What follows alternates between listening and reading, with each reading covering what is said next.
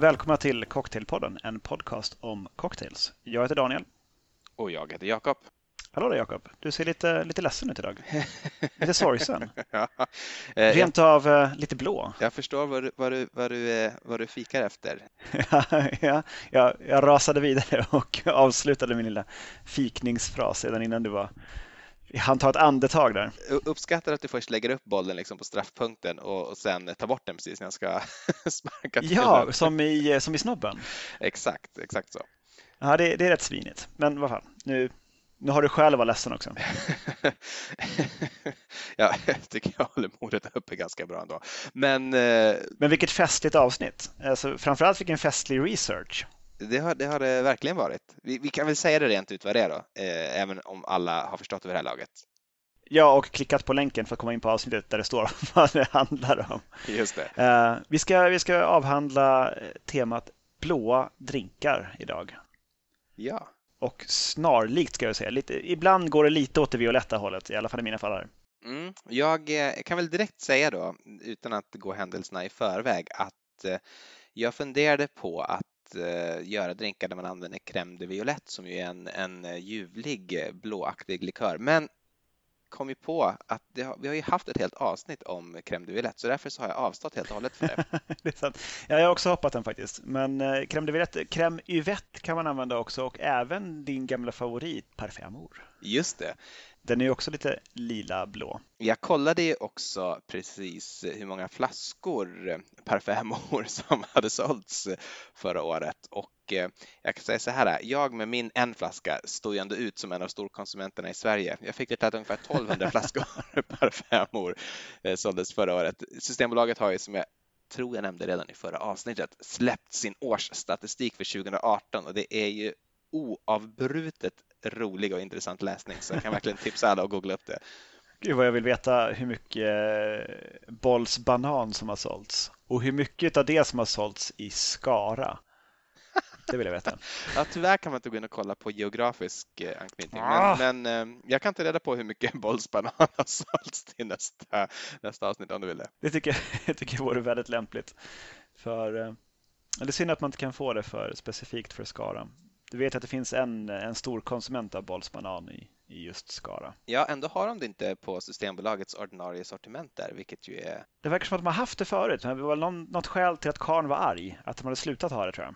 Eh, ja, ifall det är någon lyssnare som inte har lyssnat på samtliga avsnitt av Cocktailpodden så är det här en referens tillbaka till Bert Karlssons vrede när han insåg att Bolls banan inte fanns på det lokala systembolaget i Skara. Han ska tydligen vara en stor fan av denna dryck. Ja, och han undrade väl då om det fanns någonting som var rätt överhuvudtaget med det här samhället vi lever i. Ja, och kom fram till att det inte fanns det. Ja, jag tror han antydde det. Det var, det var man, skulle, man skulle nog uttolka det att det finns nog inte det. att, eh, men nog om Bolls banan, det får vi säkert skäl att återkomma till i något kommande avsnitt. Um, blå Curacao. Mm. Har, du något, har du något span på, på Curacao överhuvudtaget, Jakob? Ja, det har jag. Skulle jag kunna få börja ännu lite tidigare? Blå Curacao dyker egentligen upp på 1900-talet, Curacao på 1600-talet. Men färgen blå har ju funnits betydligt längre än så. Även om många brukar säga, jag har hört det flera gånger, att eh, blått inte alls var känt under antiken. Känner du igen den här spaningen eller säget? Nej, eh, men jag har fått för mig att lila var en stor grej under antiken och en dyr färg att producera av någon anledning. Purpur var ju, det var ju kejsarfärgen då. Nej, men det finns eh, folk som säger då att eh, blå existerar inte i Homeros texter till exempel. Att även sånt som vi tycker är blått som himmel och hav beskriver han som vinfärgat eller vredgat eller någonting, men, men aldrig med ordet blå då. Och samma personer hävdar också att barn som inte får höra vad himlen har för färg inte kan liksom placera den riktigt utan de tittar upp och så säger de typ vit eller någonting. Eh, och av det här så har... Det låter ju bluff och båg. Ja, det gör ju det. Och, och folk har dragit slutsatsen att blå egentligen inte finns typ, eller rättare sagt att det är liksom inte en naturlig färg för den förekommer inte i naturen utan allt som är blått har människor skapat. Jag tror inte det är sant. Blåsippor till exempel tror jag inte människor har skapat. Inte heller himlen då. himlen är ju eh, rätt ofta tämligen blå. Jag skulle säga det också. Men eh, jag, har, jag har forskat lite i det här och Eh, kom över vad jag skulle säga den, den definitiva guiden till eh, historien om färgen blå och det är eh, M. Pastorius bok given på Princeton University Press, eh, The History of the Color Blue och den finns tyvärr inte i fulltext på, eh, på nätet. Men första kapitlet kan man läsa gratis i alla fall, så det, det, har jag gjort och där konstateras att färgen blå var mycket riktigt känd under antiken. Den var bara oerhört avskydd. De, eh, de avskydde, den avskydde färgen blå. Nu citerar jag direkt ur boken då, The History of the Color Blue. It was little valued by the cultures of antiquity For the Romans, in fact, it was the color of the barbarians and thus had negative connotations. För att man hade blåa ögon uppe i norr då eller? Jag vet inte, Nå, oklart riktigt. Det, det kan, kanske. Ja, men det, folk målar sig väl med blåa saker? Ja, så kan det vara. Typ kelter och sånt målar sig väl blått? i någon filmatisering av eh, någon riktigt usel version av en King Arthur-film. så tror jag att även, även, i Braveheart tror jag. Eh, jag vet inte hur sant det är, men, men så ska det tydligen ha varit då. Men, men att den här färgen sen vart neutral eh, fram, liksom, ju mer tiden gick och vid renässansen så ja, en okej okay färg för att liksom bli fullkomligt dyrkad. Och nu var hela västvärldens favoritfärg. Om det är så 56 procent av alla, både män och kvinnor, säger att blå är deras favoritfärg i väst. Så någonting har den ju uppenbarligen. Men, men vad som verkar vara sant däremot är att blått är liksom den sista stora färgkategorin som brukar dyka upp i språk så att så kallade primitiva kulturer har generellt inget ord för färgen blå och även en del moderna språk har inte det. Typ japanska har inget liksom ord specifikt för blå men turkos, grön, blå har alla typ samma ord. Så. Det var en liten utvikning väldigt fin, fint sätt att börja det på faktiskt. Jag börjar dyka rakt in liksom i, i likörer och, och färgsättningar, men, men jag gillar det där. Um, jo, men som, som du nämnde, uh, blå curacao dyker upp på, på 1900-talet, 1920 någonstans där. Mm. Så är det troligen eh, holländare på Bolls som tillsätter blått. Det kan vara ett curacao-företag som heter Senior också. Båda hävdar på sina hemsidor att eh, det är de som var först med att eh, hälla, hälla blå färg i sin curacao och börja kränga den. Um, men blå curacao är inte den enda färgade curacao. Man har haft man även gul och röd curacao och grön curacao. Mm. Det som finns kvar idag är väl röd, grön och blå va? Ja, precis. Orange brukar det stå, men det är väl den som man kallar röd då, gissar jag. Jag tror det finns en som är riktigt jätteröd också. Ja, det, det gör det säkert. Eh, kanske på beställningssortimentet eller möjligtvis på ett systembolag i Skara, vem vet? precis. Som lite tröst, sådär, plåster på såren. Men eh, blått är tämligen svårt att få till i, eh, i mat. Alltså i saker man kan dricka och, och, äta. Alltså I alla fall med naturliga medel så är det ganska besvärligt. Eh, man tänker kanske snabbt på, på blåbär, men blåbär blir ju väldigt lila. Mm. Och även eh, violer blir ju inte heller liksom blått när man löser upp dem i någon vätska utan då blir de också någon slags lila historia. Så eh, då har man ett, ett syntetiskt färgämne i de här eh, blåa kurasorerna och det heter E133. det. Brilliant Blue. Mm. Eh, det heter även Food Blue nummer 2 och 42090. Wow. Det är poetiska namn alltihopa. Ja, verkligen. Det här, det här gör man av eh, någonting så otäckt som eh, stenkolskära eh, som man liksom kemiskt bryter ner och får fram den här blåa färgen ur. Så där. Eh, jag misstänker att det är en ganska otäck process faktiskt. Bolls blå curacao är den som, som jag har fått tag i här i, i Sverige. Eh, om man bortser från den blåa färgen så är själva smaken inte, det är ingen, det är ingen höjdar eh, apelsinlikör. Eh, om man jämför liksom med eh, Pierre Ferrands eh, apelsin curacao som är liksom enligt gamla metoder och med eh, där frukt har varit inblandad. Jag är inte helt hundra på att det är det i produktionsmetoden för, för Bolls men eh, det ska jag inte svära på. Jag tror att man använder smakessenser. Jag, jag tror man har frukten då. Jag undrar om man får kalla det för curacao utan att ha no, någon sorts eh, fruktskal där. Men eh, jag ska inte heller svära på det. Ja, men eh, i och med att den här E133 eh, finns att få tag i separat mm. som eh, till exempel eh, så hushållsfärg heter det nog i Sverige. Typ Dr. Oetkers hushållsfärger yeah. som man har i, i matlagning och sånt. Eh, där finns den att köpa i ren, ren form. Alltså en sån liten flaska, typ 30 milliliter med E133 så kan man ju, eh, i och med att det är det enda som gör en, eh, en blå curacao till en blå curacao, så kan man ju göra blå Grand Marnier om man vill, om man gillar den smaken. Man kan göra blå Cointreau. Man kan även färga själva basspriten eh, blå. Bruna spriter och eh, gula spriter blir ju lite mer åt turkosa hållet mm. Eh, när man lägger blått i, i och med att gult plus blått blir grönaktigt. Vilket jag faktiskt har testat lite grann med blå curacao i, i veckan som var. Jag gjorde en eh, Imblued whisky cocktail. En whisky cocktail helt enkelt eh, eh med en skvätt blå curacao och en skvätt maraschino. Ja, okej, okay, nu fattar jag. Eh, det har varit jättefint. Alltså väldigt eh, turkosgrönt som, liksom, som ishavet ungefär. Mm. Som liksom så undervattensbilder från liksom i närheten av ett isberg. Eh, supertjusigt. Men, men det gör ju någonting med hjärnan också. Alltså när, när drinken ser ut på det sättet men den fortfarande smakar som en, en vanlig improved whisky cocktail. Ja, det måste bli jättekonstigt. Vad gör det egentligen? För man tas tillbaks till 90-talet men är samtidigt i liksom 10-talet. Alltså blundar man så smakar det ju helt vanligt. Men tittar man på drinken och försöker ta in liksom hur den ser ut och doftar och smakar liksom på en gång så det varit mindre angenämt faktiskt. För att man liksom på något vis förväntade sig kanske något mera åt läskedryckshållet. Jag vet att det fanns läsk ett kort tag eh, och det vet jag för att eh, det finns bilder från ett barnkalas jag hade, jag kanske gick i ettan eller tvåan eller någonting. Ehm, så hade vi massa läskflaskor på bordet som hade typ etiketter på vilka det stod typ Wham, Pang och... Just det, de där och Flämt. Ja. Och de hade ju alla väldigt skarpa färger. Sen försvann de. Jag vet inte om det var för att de här färgerna eh, kanske var olämpliga för barn. Eh, hyperaktivitet och sånt som de kan orsaka. I alla fall de röda tror jag har väl varit i, i skottgluggen eh, ganska ofta. Även den blåa faktiskt. E133 har varit förbjuden eh, i många länder i Europa. Däribland Sverige faktiskt. Mm-hmm. Men eh, har blivit godkänt av, eh, av EU och eh, man bedöms nu som, som en säker tillsats. Ja, jag, jag, tror att det inte är så farligt. Nej, jag tror inte heller det. Liksom. Och, alltså, att stå och hälla färgämnen i sina, sina drinkar, ja, man, vad tusan gör det då? Liksom? Det, är, det är ändå lite kul.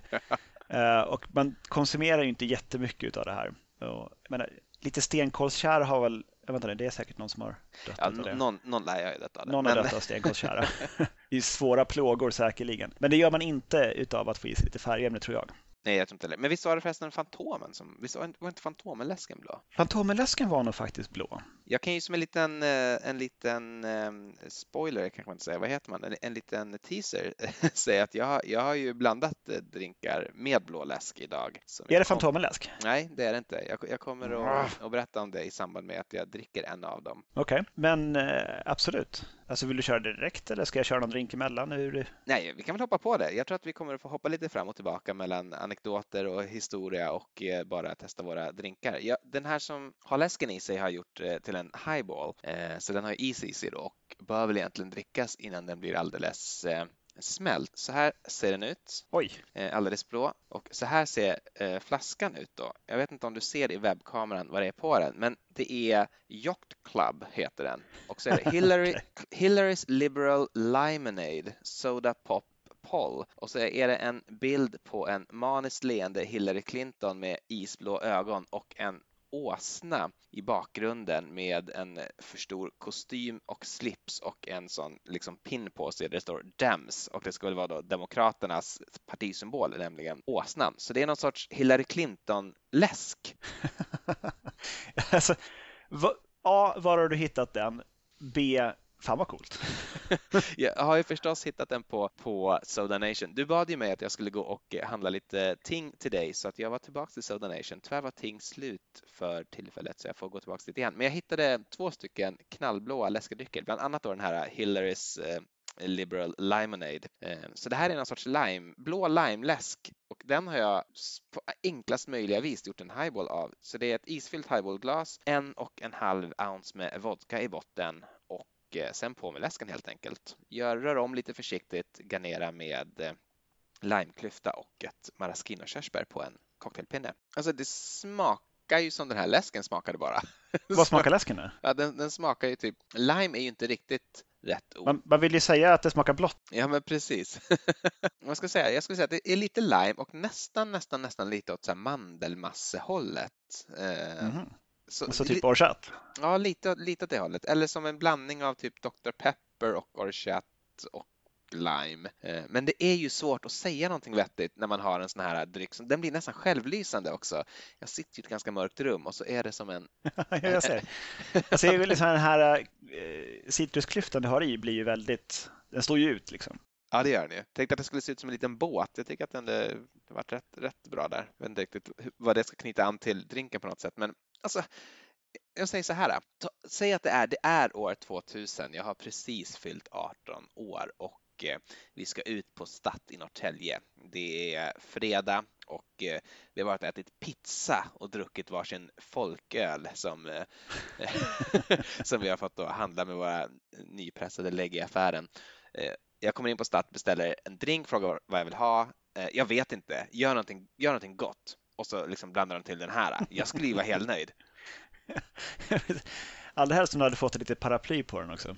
Ja, verkligen. Men, men även bara det här, det här lilla lime garnishet tycker jag ändå, ja det gör något. Jag, jag kan inte låta bli att ändå gilla det här. Det kommer nog inte bli så att jag går och köper Hillarys Liberal Limonade nu eh, varenda vecka för att kunna göra en, en Hillary Highball. Men eh, nej, jag ska inte säga att jag ogillar det, för det gör jag inte. Jag, jag tycker det var riktigt kul. Kommer du ihåg läsken Vira Blåtira? Nej, det gör jag inte. Jag vet att det finns en sån läsk. Jag, det, finns, liksom... det finns igen, men alltså den fanns när jag var väldigt liten. Det, var, mm. det fanns en Vira blåtira och så fanns det någon, någonting som hette någonting med persika eller någonting typ Asha persika eller något sånt där. Jag var helt besatt av den här blåa Vira blåtira-läsken.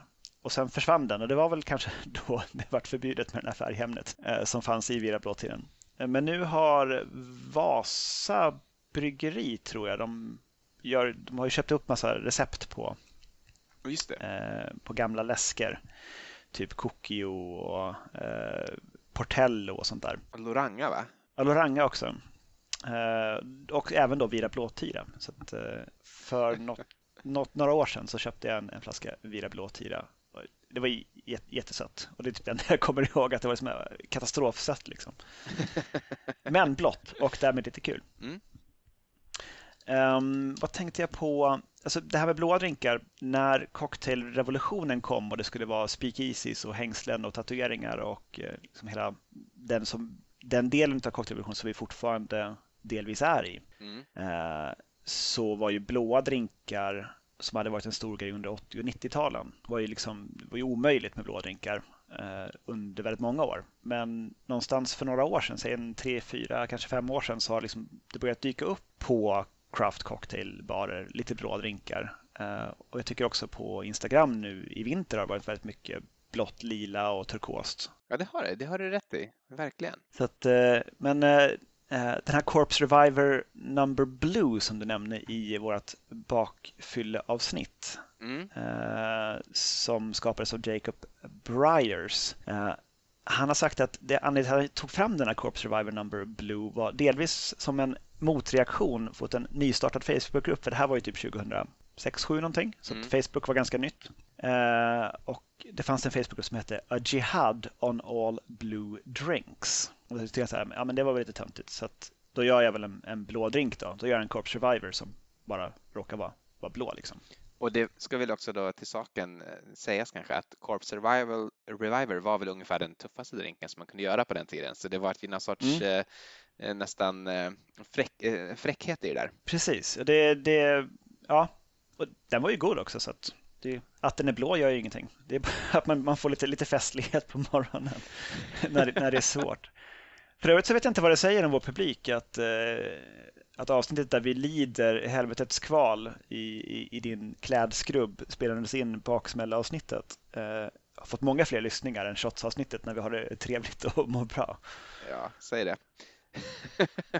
det, är lite sådär. Jag, jag väljer inte att spekulera. Nej, så kan det nog vara. Um, men som sagt, Blå Curacao någonstans 1920-tal. Uh, ehm, men det är väl egentligen först på 50-talet som det riktigt sådär slår igenom. Det var en säljare från Bolls som var på Hawaii 1957 på en, en branschmässa. Och då gick han runt och bad bartenders att skapa drinkar på den här branschmässan med den här blåa Curaçaon som de eh, försökte liksom få upp försäljningen på lite grann. Mm, den, den såldes ju från början under namnet Crème de Sil. Har du sett det? Alltså eh, himlens grädde antar jag skulle bli en direkt översättning. Så jag, jag antar att det var tänkt att liksom dricka som det var då. men... Många likörer är ju så att man ska ha ett litet miniglas med och det, det känner jag att det är ganska osugen på. Ett litet så här liksom likörglas efter middagen med blå i. Ja, rätt tänkt tror jag. Ja, hur som helst, en av de här bartenderna på den här branschmässan var en Harry J som var eh, head bartender på det som sen blev Hilton Hawaiian Village i Waikiki. Och han skapade en drink som heter Blue Hawaii eh, som fanns i några år och sen blev liksom ännu större med eh, 1961 års Elvis Presley-film Blue Hawaii. Just det, men skapades ju innan då så att uppenbarligen inte... Ja, det, är inte in, liksom, det är snarare så att filmen är inspirerad av drinken än tvärtom. Men du hade något mer där va? Eller? Ja, det finns ja, det är många spännande 60-talsdrinkar. Har du receptet förresten på, på Blue Hawaii? Ja, det har eh, det, det, det, är ju en drink som ska vara i ett highball-glas eller liknande fyllt med is då. Och eh, i det här så är det ett halvt ounce med blå curacao, tre ounce med ananasjuice, ett ounce med lime, ett halvt ounce med sockerlag och ett och ett halvt ounce med ljus rom. Eh, och det här ska ju då eh, röras, allt utom rommen som ska ligga på som en float som jag har förstått. Att man liksom häller på den när allt annat redan är i glaset. Mm.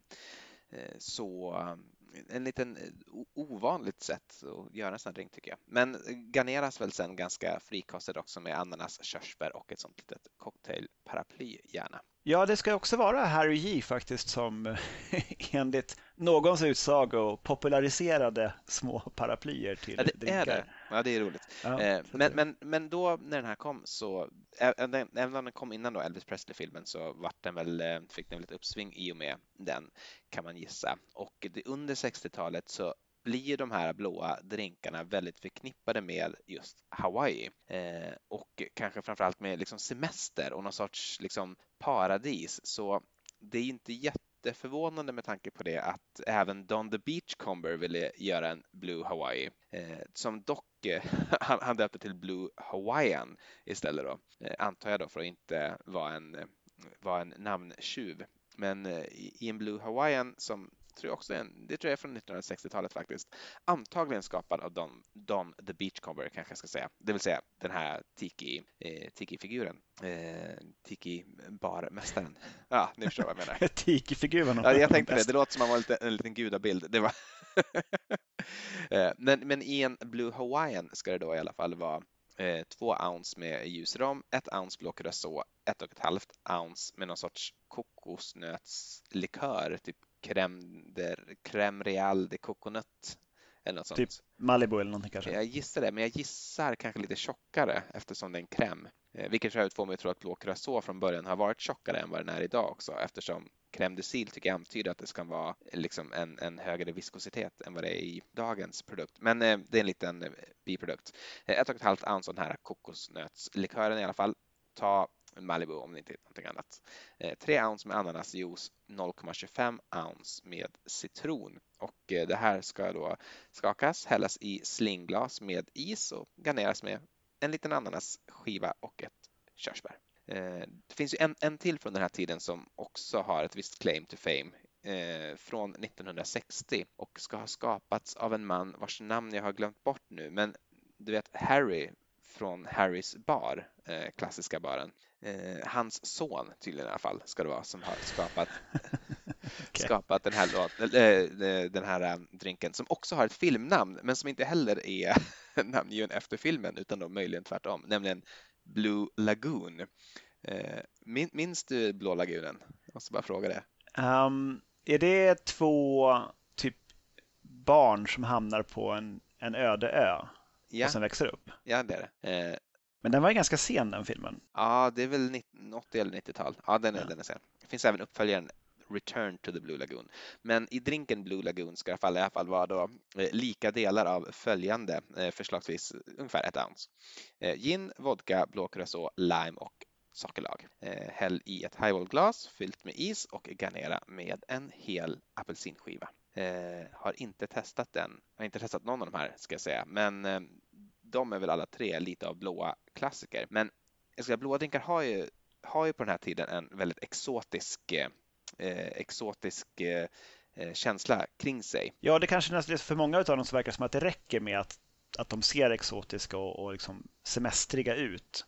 Mm. Sen så är det inte så jättefokus på att de ska vara välbalanserade. De är ju ofta väldigt söta allihopa. Ja, men precis. Jag undrar om inte det, alltså det, det, ska väl se ut som havet och himlen på något sätt en, en solig dag och det gör det ju nästan. Bara nu när jag blickar ut över mitt bord, trots att det nästan är mörkt i rummet jag sitter, så får jag ju en känsla av, jag får en känsla av semester. Det ska jag inte sticka under stol med. Eh, vad är det som händer på 80 och 90-talet då? Eh, för någonting händer ju där. Blåa drinkar, jag tycker de blir mindre semester och mer stadshotell. Ja, det är mer typ disco och liksom att det är kul i, i blacklight att det är blått i glaset, att det lyser upp på något vis. Men precis, och också, rätta mig om jag har fel nu, det här kanske är ett falskt minne, men visst var det på slutet på 90-talet, början på 00-talet när vi fick börja gå ut på lokal, så att det ofta, att bardiskarna ofta var liksom belysta underifrån också. Så att när du ställde den här blåa drinken i det här liksom lite dunkla rummet fullt med folk och hög musik så blev den som en lampa. Liksom. Den blev som en blå lampa som liksom lös upp stället. Ja, precis. Och den blå drinken du nämnde där måste väl nästan på den tiden ha varit typ isbjörn eller någonting.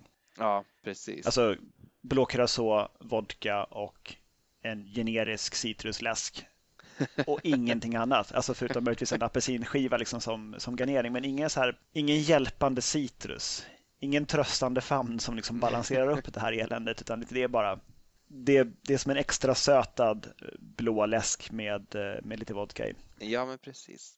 Men, men jag tror att det, det, är liksom, det är den grejen sen som ju de här tuffa bartendersarna på 00-talet vänder sig emot va? När, när de skapar den här eh, Jihad on all blue drinks. Precis, det är ju he hela liksom 90-talsbaren. Liksom. Nej, precis, det är ju precis. Eh, semesteridealet och hela tiki-grejen är ju också liksom, förutom bland några få entusiaster, ganska död där liksom i slutet på 90-talet.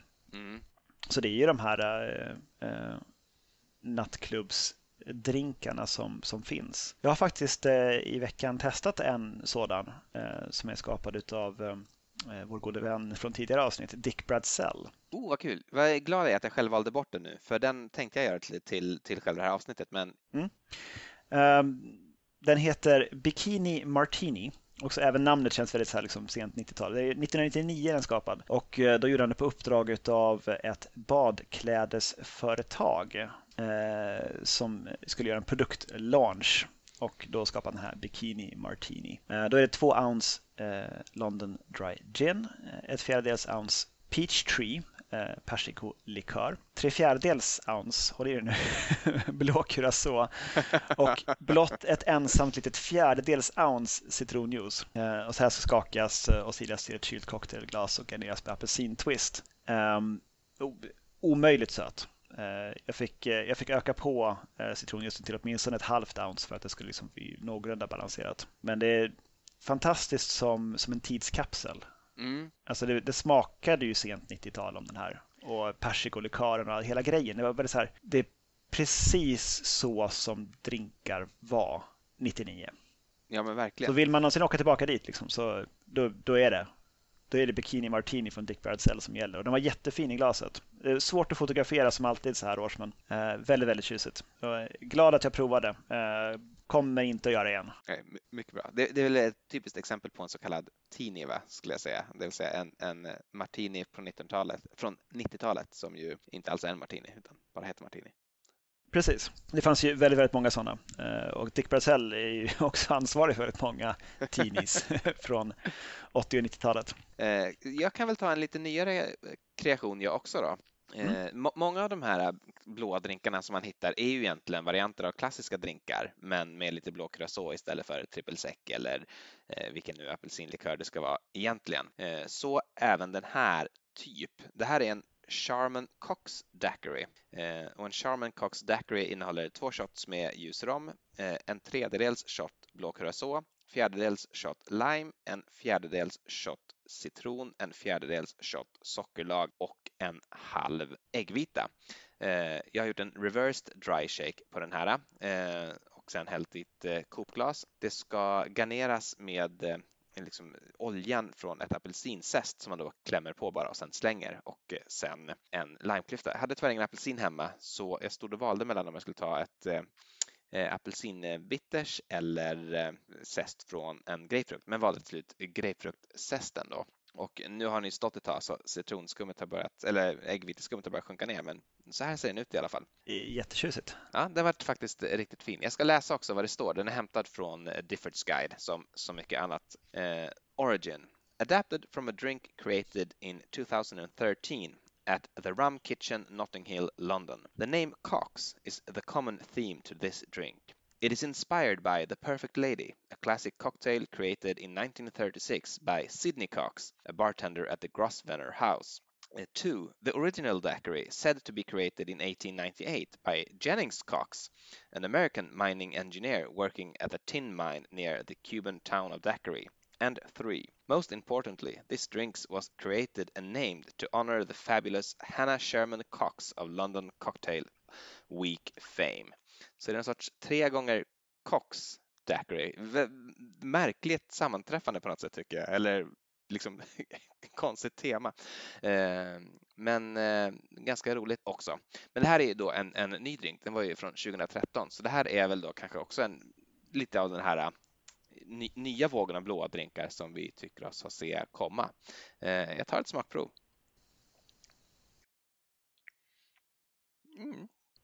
Förvånansvärt gott. Eh, det slår inte en vanlig daiquiri, tycker jag inte. Men eh, det här är helt okej. Helt, en helt okej drink. Ja, jag, jag har en snarlik faktiskt som jag har eh, yxat ihop eh, här borta som också är blå. Ja. Märkligt nog. Turkos eh, blåaktig sak. Eh, som väl är lite grann åt en, en, en sidecar på romhållet. Eh, det är två ounce lagrad rom, ett ounce limejuice, ett halvt ounce blå curacao och ett fjärdedels ounce passionsfruktssirap och skakat med is och sen sidat till ett kopglas med rosa socker på kanten. Jag tänkte så här, när jag ändå håller på med, med matfärger så eh, tar jag lite rött färgämne i, i socker, skakar runt det så det blir rosa och sen så eh, coatar jag kanten på glaset i det. Så det, för det här chockrosa tillsammans med det väldigt blåa blir väldigt, väldigt, ja, det är, de är motsatt färger på något vis. Eh, den här kallar jag för The Knowledge of Bobo och pluspoäng till den lyssnare som kan skriva in till cocktailpodden at gmail.com och säga vilken film är det jag refererar till på väldigt långa vägar. Eh, vi går vidare. The knowledge of Bobo. Knowledge of Bobo. Ah, eh, sen har jag en annan eh, som ser ett snarlik ut förutom att den inte har eh, den här sockerkanten. Ehm, som är ganska ny faktiskt. Den är från 2015 från baren Porchlight i New York som är en sån här liksom Southern themed bar. Då är det två herrar, Mike Shane och Nicholas Bennett som har skapat den här tillsammans. Och det är, eh, skulle man kunna säga, en mescal margarita fast blå och med persika och kanel. Mm, mm, jag tror jag vet vilken du menar. Mm, Gunmetal Blue heter den. Eh, och du har ett och ett halvt ounce mescal, ett halvt ounce blå curacao, tre fjärdedels ounce limejuice, ett fjärdedels ounce persikolikör. Då ska det ska vara crème de pêche, men jag använde peachtree för det var det jag hade. Så det var det som fick. Jag vet inte riktigt, jag antar inte riktigt samma smak på dem. Och sen ett, ett tredjedels ounce kanelsirap. Och sen eh, kanelsirapen på, på Porchlight, eh, där har man i lite gentianarot i kanelsirapen när man gör den för att få lite bitterhet i den så jag tog i ett stänk med orange bitters också. Ah, okay. Och den här, den här är jättegod. Alltså lite, lite för söt. Jag ser, kanske lite för mycket kanelsirap i receptet. Mm. Um, eller man kan egentligen kanske bara öka på limejuicen lite grann. Men det, jag hade velat ha den mindre söt, men jag kan förstå uh, att den har ett, ett starkt appeal. Liksom. Den är också väldigt, väldigt fin.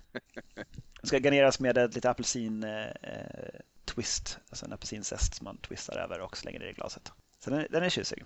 Vad kul. Jag, jag, jag funderade på den, eh, men eh, orkade inte, iddes inte göra någon sorts kanelsockerlag, så därför så struntade jag i den. En annan som jag inte heller gjorde, eh, men som jag varit lite sugen på är Reagan, som ju låter modernt. Jag gör det verkligen det? vad, vad, är en Reagan då? Jag tänker att det, ja, det är det Reagan som är presidenten eller Reagan som är strålpistol? Det är som i strålpistol. Okej. Okay. Nästan lite synd att det inte är presidenten. Ja, faktiskt. Eh, men det är eh, ett halvt ounce med grön chartreuse, tre fjärdedels ounce med blå curacao och eh, rör ihop på is, häll i ett champagneglas och toppa med champagne. Oj, nice. Mm, det tycker jag lät intressant ändå. Ja, och nu när du nämnde grön chartreuse kom jag på att jag borde ha gjort swamp water för guds skull. Ja, jag, jag hoppades lite att du skulle göra det. Ja, nej, för att du skulle slippa göra det själv. jag har tyvärr slut på grön chartreuse så att jag, jag kunde inte göra det heller. Åh nej. Det är också en, en, flaska som jag tycker att vi borde skriva till Systembolaget och säga att de borde ha på standardsortiment. Ja, verkligen. Medhålles 100 procent. Mm. Det där får vi läsa. Vi får skriva ett öppet brev så småningom. Eh, jag kan nämna två stycken till som jag har gjort och sen så har jag också en framför mig här som jag ska smaka på som jag inte har smakat på än. Eh, dels så gjorde jag en drink som heter Purple Turtle i någon sorts nästan rim, eh, alltså lila sköldpadda då, men den, den, var blå, eller lite lila blå kan man väl säga. Eh, det här är egentligen en shot, men jag eh, gjorde den eh, som en, vi kan säga som en highball, det är egentligen inte det. Jag har glas som ser ut som highballglas men som har så tjocka väggar så att de är nästan som shotsglas i storlek. Eh, lite, lite större. De, de är kanske ja, en deciliter ungefär totalt. Men ett sånt fyllde jag med is i alla fall. Eh, och sen ska det vara lika delar eh, eh Reposado Tequila, Blå Curacao och eh, Slow Gin, alltså slånbärsgin. Och eh, det finns ju att köpa på Systembolaget nu mer. Man kan beställa det om det inte finns i butik och det är väl Plymouth som har en Slow Gin. Möjligen några andra producenter också, det vet jag inte. Eh, jag har däremot gjort min Slow Gin själv, för det brukar jag göra varje år. Eh, plockar slånbär på hösten och gör likör på det, antingen på gin eller vodka. I receptet så ska det inte vara något syrligt för det här är ju en shot, men jag hade också i ungefär en lika del med lime som av allt det andra för att få lite syra på den i alla fall. Mm. Och bara då rörde på is och sen så hällde ner i det här glaset med is. Och och eh, tycker det varit ganska gott. Skulle kunna varit ännu mer lime kan jag väl säga, för den var ändå, ändå ganska söt. Men eh, ändå en rätt rolig och alltid roligt tycker jag att få använda slow gin, för det är inte så vanligt att man får det, trots att det är en himla himla god likör. Ja, det kan man faktiskt dricka i, i små likörglas. Ja, det tycker jag. jag. Det händer dock att det gör. Eller så, som med så mycket annat, hellre på glass. det är din lösning på allt, Jakob. Eh, jag, jag sa att jag hade köpt två blåa läsker Eh, Eh, den andra läskeflaskan som jag köpte var en helt blå Pina Colada Soda. Alltså en, en, en, en, läsk, en läsk som smakar Pina Colada. Och eh, förutom att den då är alkoholfri och därför inte liksom har det här eh, värmande känslan som en riktig Pina Colada har så var den ganska lik tycker jag. Den var inte så dum alls. Det här gjorde jag förstås också en highball på och du har säkert redan gissat att jag hade ljus rom som eh, eh, grund för den. Eh, och lite, lite lime också, bara för att få lite syre i det. Och eh, det här var, den var jättegod. det var nästan den bästa av alla drinkar tror jag som vi gjorde i, i, i veckan och inklusive idag. Och eh, så Linda mimar här att hon håller med, så eh, det tyckte både jag och Linda. Den var eh, fantastisk. Också en jätte, jättefin flaska. Jag kan se om jag kan ta en bild på tomflaskan och lägga ut så kan folk få se hur den ser ut. Men alltså, om man inte bor i Stockholm, vilket många av våra lyssnare inte gör, mm då är det rätt kört att få tag i Pina Colada Soda, eller hur? Det, det kan vara det. Jag vet inte riktigt. Men det, det kan hända att det finns i någon internetbutik. Men, men sådär väldigt, väldigt vanlig är, är den väl inte tyvärr. Eh, så mitt... Annars får man ha ananasläsk och slå i en skvätt med Malibu så har man approximerat Pina Colada-läsken. Ja, så, så, så, kan man göra istället. Eh, lyssna på Daniels goda råd. Men den var fantastiskt bra verkligen. Den skulle jag kunna göra igen utan att utan att tveka. Eh, ska jag ta min sista drink för dagen? Nej, gör det. Jag, jag har lite mer sen som jag kan eh, rusa igenom. Jag vet att vi börjar, börjar närma oss ett normalt avsnitts sluttid. Ja, men precis. Förresten, jag har, jag har en till som jag gjort också. Det höll jag på att glömma säga. En Darlington. jag, jag, nämnde den. Darlington. Darlington. Mest för att namnet var så roligt tyckte jag så gjorde jag en Darlington. Det ska vara två ounce med gin, ett halvt ounce med calvados, eh, mm -hmm. ett halvt ounce med blå och en eh, ounce med torr vermouth och en ounce med citron och 0,25 ounce med socker och ett apelsinzest som är garnering till det. Det här ska man eh, eh, skaka och eh, Vad sa du, var det två ounce gin och? Två ounce gin, ett halvt ounce calvados, halvt ounce curacao, ett ounce torr vermouth, ett ounce citron och ett, halv, eller förlåt, ett fjärdedels ounce med socker och garnering apelsinzest. Skakas på is, eh, hälls till martiniglas eller Coop. Eh, med, säger jag. Den låter lite med faktiskt. Eh, det var inget speciellt då. Men nu kommer vi till kvällens sista drink för mig och eh, jag har ett sånt här Nicke Nora-glas och en liten eh, grapefruktzest och det här är en Bluebird som jag vet inte om jag behöver dra vad det är i den eller vad det är om den har någon sorts speciellt rolig historia. Det är också en, en, en gammal klassisk eh, blå drink då som är från 50-talet och har till skillnad från mycket annat då som har ett eh, eh amerikanskt ursprung så är den här fransk från början och den innehåller också en typisk fransk ingrediens och det var egentligen det som fick mig att bli nyfiken på den, nämligen orgette, det här mandelsockerlaget. Mm. Eh, och i en Blue Ball då så ska det vara, förlåt, i en Blue Bird ska det vara eh, två ounce med gin, ett ounce blå curacao, ett fjärdedels ounce med citronjuice och ett fjärdedels ounce med orgeat. Eh, skakas, finsilas Gudars vad och eh, garneras. Och, eh, det där stackars fjärdedels ounce citronjuice får ju kämpa alltså? Nej, inte alls. Det här är Nej. chockerande balanserat. Kvack. Den är överlägsen, överlägsen mycket annat som vi har gjort under veckan. Vad säger du Linda? Ja, hon tycker den var god, säger hon. ja, alltså den låter ju osannolik. Ja, jag, jag, gillar den. Bluebird. Jag bara chansar nu. Kan det vara en hyllning till någon fransk sångare eller någon, någon klubb i Paris eller någonting? Jag vet inte. Vi, eh. vi säger att det är klubben Bluebird i Paris. Ja, det gör vi. Mycket bra. bra. Jag har en, eh, en, en tv-serie-inspirerad eh, drink som traditionsenligt serveras i en kemibägare. Mm, mm, med det. blåfärgat salt på, på kanten. Ja. Eh, som heter en Heisenberg cocktail. Och eh, den är från Marks Bar i London och skapades till eh, för att hedra sista avsnittet av Breaking Bad när det, när det kom ut. Men nu har inte jag sett Breaking Bad, men är det någon som heter Heisenberg? Jag tror att han heter Heisenberg, han som det handlar om. Ja, okej, okay, det är så. För jag tänker Heisenberg är väl en uh, känd tysk vetenskapsman, eh, åtminstone tyskspråkig. Det är möjligt, men jag tror att karaktären heter detta i Breaking Bad. Okay, fine. Det, det har jag inte ehm. förstått. Jag, jag har sett länken men inte fattat att det, att det var någon annan än den, den tyskspråkiga vetenskapsmannen. Det Ja, mm. ursäkta, fortsätt. Ja, just mest, han gör ju någon form av, av uh, ny variant av ett, ett uh, populärt berusningsmedel som också av någon anledning får en blå ton Eh, och det är därför det här blåa saltet på kanten ska liksom symbolisera det här blåa knarket som de gör. Det är så det Precis, och då är det eh, ett och en tredjedels ounce eh, gammal tequila, anejo helst. Reposado går väl. Ett halvt ounce mescal, ett tredjedels ounce maraschino-likör, två tredjedels ounce limejuice, ett fjärdedels ounce lavendelsirap. Jag använde crème de violette istället för jag hade ingen lavendelsirap. Jag inte vill ha någonting lite blommigt. Eh, sen ett fjärdedels ounce blå curacao och ett åttondels ounce, det vill säga typ ja, en tesked, kanske lite mer, av eh, sockersirap. Skaka med is och eh, finsila till en kemibägare med eh, blått salt på kanten. Och, eh, den smakar ungefär som man kan tänka sig. Det är ju en, eh, någon form av eh, tequila. liksom, det är en margarita på något vis. Eh, men med lite olika kryddning och den är blå. Mm. Så det, det, är kul.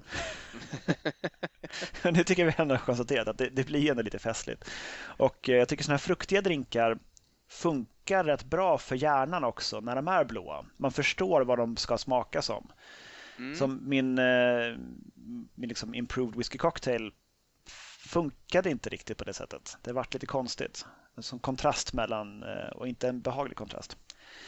Ehm, men till sist nu så har jag faktiskt eh, ett förslag på ett annat sätt att färga drinkar eh, blåa. Annat än att använda blå curacao.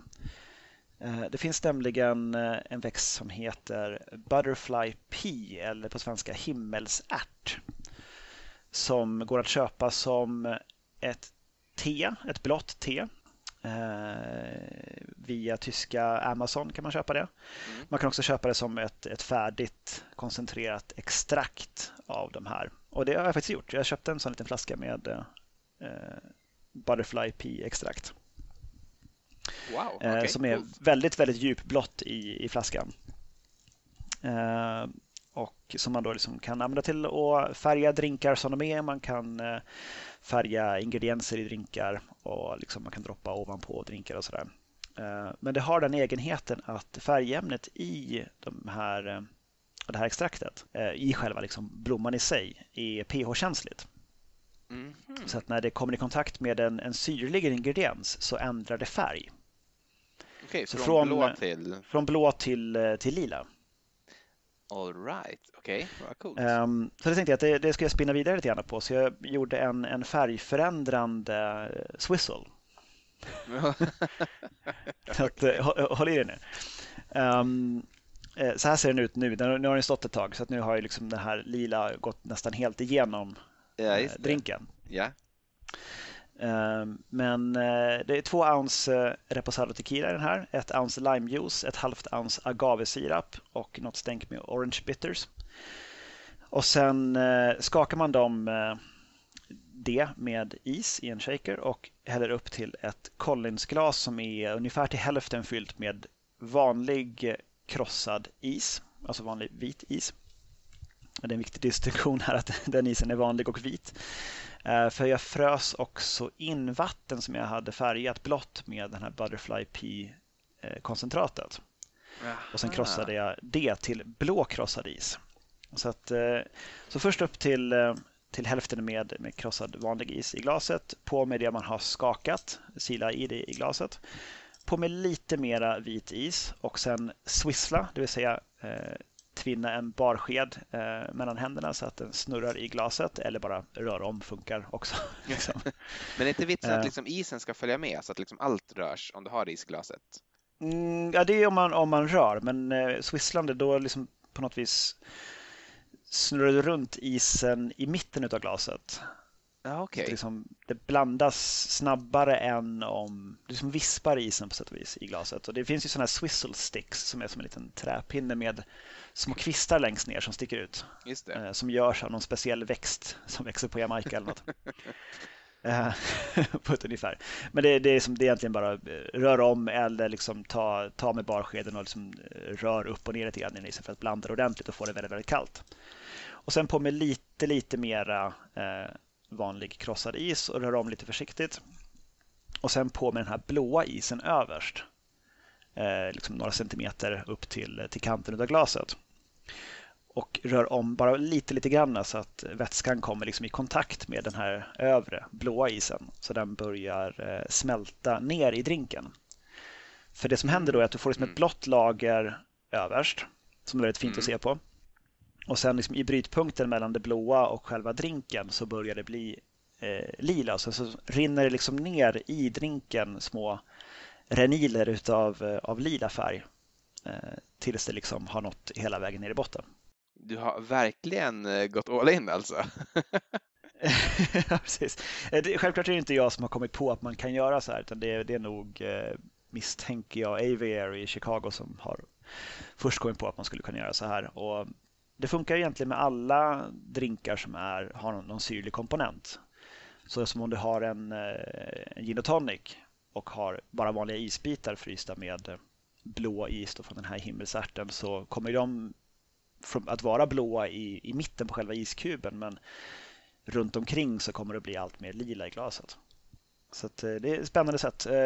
Vill man att drinken ska fortsätta liksom vara riktigt djupt blå då får man ju hålla sig till drinkar som inte innehåller någon citrus. Just det. Eller så får man acceptera att den blir lila. Liksom. Ehm, och själva det här extraktet det har liksom en liten svag, ungefär som svagt rooibos-te. Alltså någon sån liten växtsmak i sig och väldigt, väldigt svag doft.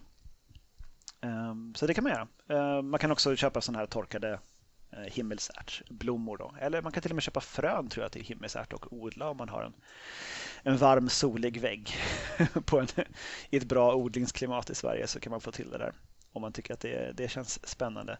Jag är väldigt nöjd med hur, hur drinken blev för den ser lite grann ut som, som sånt här äh, rymd... Äh, så här, vet, här gasmoln mellan typ stjärnor i rymden på ja, fina typ foton man kan se. Ne nebulosor. Ja, men något sånt. Äh, för att det, liksom, det är fortfarande i de här krossade blåa isbitarna så är det fortfarande blått inuti dem. Och sen så ligger de och svävar nu liksom i någon sån blek lila eh, vätska. Och i och med att den, det är en swizzle så blir den ju också väldigt kall så att det blir frostigt på utsidan av glaset också. Mm. Jag är mycket nöjd. Och i, i, allt övrigt så är det ju en, eh, en, en tequila sour i stort sett fast i, i swizzle-format. Otroligt. Jag eh, jag hade tänkt att eh, killgissa lite grann kring eh, vad, som skiljer Curacao och triple sec och andra apelsinlikörer från varandra. Men vi har hållit på och pratat så länge så jag tror jag spar det till ett senare avsnitt. Kanske ett avsnitt om apelsin. Eh, den fjärde, fjärde bästa citrusen att ha i cocktails. Enligt Cocktailpodden, ja. Just det. Eh, jag, jag, jag, lämnar det helt enkelt. Har du någonting mer? Annars så tycker jag att vi med Eiffel 61 65 65 Jakob. ord säger I'm blue och tackar för oss. Dabedi dabedai. Skål på Jakob. Godnatt. Godnatt.